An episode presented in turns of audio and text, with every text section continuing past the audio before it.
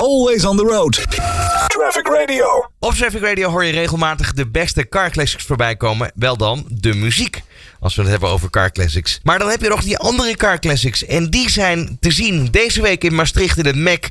Tijdens de Interclassics. Dit is alweer de 26e editie. En we gaan erover praten met uh, een van de organisatoren van deze beurs. Erik Panis. Dag Erik. Ja, goeiedag. Ja, de 26e keer deze Interclassics. Uh, en mm -hmm. voor de zesde keer in Maastricht door het Veilingshuis uh, Kois uit uh, Groot-Brittannië. Ja, een hele geschiedenis eigenlijk al. Maar met name het mooiste is, uh, er staat ook heel veel geschiedenis, want het zijn heel veel oldtimers. Ja, dat klopt. Uh, als je een overzicht wil hebben van de, van de autogeschiedenis, dan moet je vooral dit weekend in het in Maastricht zijn. Want daar vind je de, de allereerste, zeg maar, tot de, de meest recente supercars. Dus een, een, een, mix van hele mooie speciale auto's, maar met de nadruk uiteraard op de oldtimers. Ja. Even terug toch, 26 jaar geschiedenis heeft deze Interclassic beurs. Hoe is het ooit begonnen? Mm -hmm. Nou, dat is wel een heel uh, gek verhaal. Begin jaren 90 was er een uh, voetbalclub in Gronsveld. Dat is een, uh, ja, een kleine dorpje, zeg maar, hier in de buurt van Maastricht. Die hebben die beurs opgestart in het MEC. MEC was destijds nog een stuk kleiner dan wat het nu is. En na twee jaar heeft de MEC de beurs overgenomen. En dus vanaf toen ook de organisatie in handen genomen. Nou, in de beginjaren was, bleef het toch nog wel een, een, een kleinere beurs. Maar na verloop van tijd begon die beurs zich toch meer en, en verder te professionaliseren tot wat het nu is. is toch een van de, van de topbeurzen in uh, Europa op dit vlak. Ja, maar als we even kijken naar feiten, cijfers. Ik zie hier staan ongeveer een beursoppervlakte van 35.000 vierkante meter. Meer dan 800 klassiekers en 300 exposanten. Dus je kan daar wel een, een goede dag, misschien wel twee dagen voor uittrekken. Ja, een, een goede dag inderdaad. Ik moet zeggen dat uh, de, de liefhebber van de klassieke auto, die kan zich hier perfect van maken een hele dag. Maar ook als je zegt van uh, ik wil een uh, klassieker aanschaffen, dan is het ook het ideale platform om naartoe te komen. Want ze staan hier in alle maten en alle kleuren, bij wijze van spreken. Als je nu kijkt naar die afgelopen 26 jaar, wat zijn nu topstukken die bij jullie te, te, te, zien geweest zijn, maar misschien ook wel geveld? Goh, dat is heel divers. Maar wat is een topstuk? Hè? Dat is voor iedereen natuurlijk anders. Iemand kan vallen op een, ja, laten we zeggen, leuk autootje van, van, van, van 10.000 euro. Maar hier hebben we bijvoorbeeld ook auto's gestaan van 15 miljoen plus. Ik, ik, denk maar bijvoorbeeld aan expositie rondom Alfa Romeo, waarbij zes Alfa Romeo's 8C hebben gestaan. Ja, dat zijn sowieso heel exclusieve auto's wereldwijd. Maar hier stond er zes om een rij met een waarde elk van 10 tot 15 miljoen euro. Maar we hebben dus elk jaar een thema gekoppeld aan de beurs. En thema is vaak een verjaardag van een bekend automerk. We hebben Ferrari gehad, we hebben Maserati gehad, we hebben Aston Martin gehad.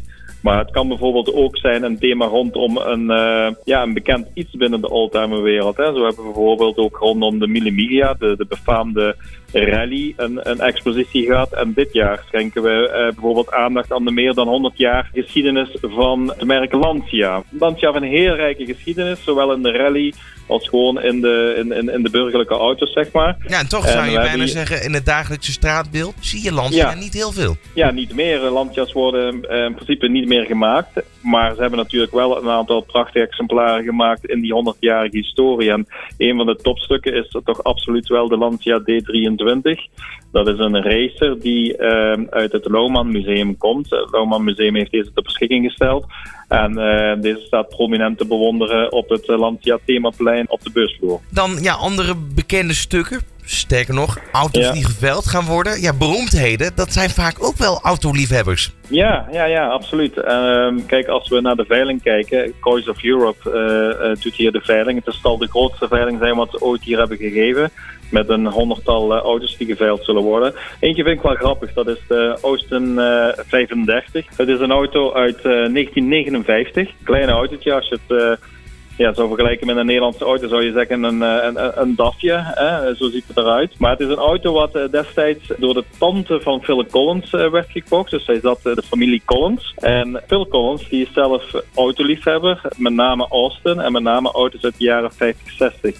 Die auto heeft hij in 1991 overgenomen en is tien jaar in zijn bezit geweest, in zijn collectie. In 2001 heeft hij die weer verkocht uh, naar iemand in Engeland die alleen maar auto's kocht van uh, bekende personen, van beroemdheden. En die persoon heeft dan weer die auto te koop aangeboden uh, via het veilinghuis en ja, is dus te koop dit weekend hier in het nek. Ja, geschatte waarde geef je er ook aan van, van die auto is tussen de 7000 en 10.000 euro. Ja, dat is wel grappig, want als je, meestal als je het hebt over uh, auto's, over beroemdheden, dan zijn dat vaak heel exclusieve auto's die ook heel duur zijn. Ja, maar deze auto, nou ja, als je een Phil Collins fan bent en uh, ja, met een beperkte portefeuille zou je deze auto nog op de, op de, op de kop kunnen tikken. Ja, uh, nog meer bekendheden. De Amerikaanse actrice Eva Gardner, die heeft ook een auto die geveld gaat worden.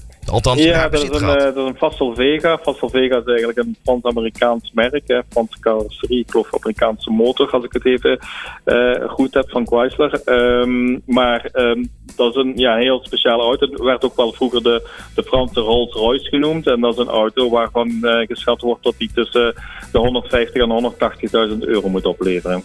Ja, dat is wel even serieus als je die dan vergelijkt met die Austin van Phil Collins waar we het net over hadden. Ja, dat is uh, absoluut een uh, heel groot verschil, ja. ja. Um, als we even gewoon het huishoudelijk, hè. wanneer gaat de, de, uiteindelijk de beurs van start? En uh, ja, hoe kom ik aan tickets? Ja, nou, dat, dat vertel ik heel graag. De beurs start aanstaande donderdag op 10 januari en zal lopen tot en met zondag 13 januari. Uh, tickets kan men bestellen uiteraard via onze website interclassicsmaastricht.nl. Uh, kosten via onze website 17,50 euro. Uh, men kan uiteraard ook aan de kassa een ticket kopen. Aan de kassa kosten de tickets 20 euro. Dus in de voorverkoop zijn die iets goedkoper.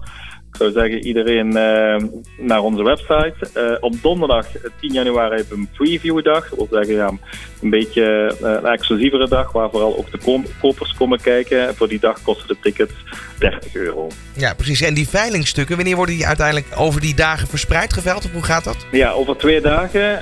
vrijdagmiddag vanaf 2 uur tot 4. En op zaterdagmiddag nog een keer van 2 tot 4. Interclassics uh, die wordt dus uh, deze week gehouden in Maastricht. Uh, dankjewel voor nu, Erik Panis. En veel succes en plezier daar. Ja, dankjewel. Always on the road. Traffic Radio.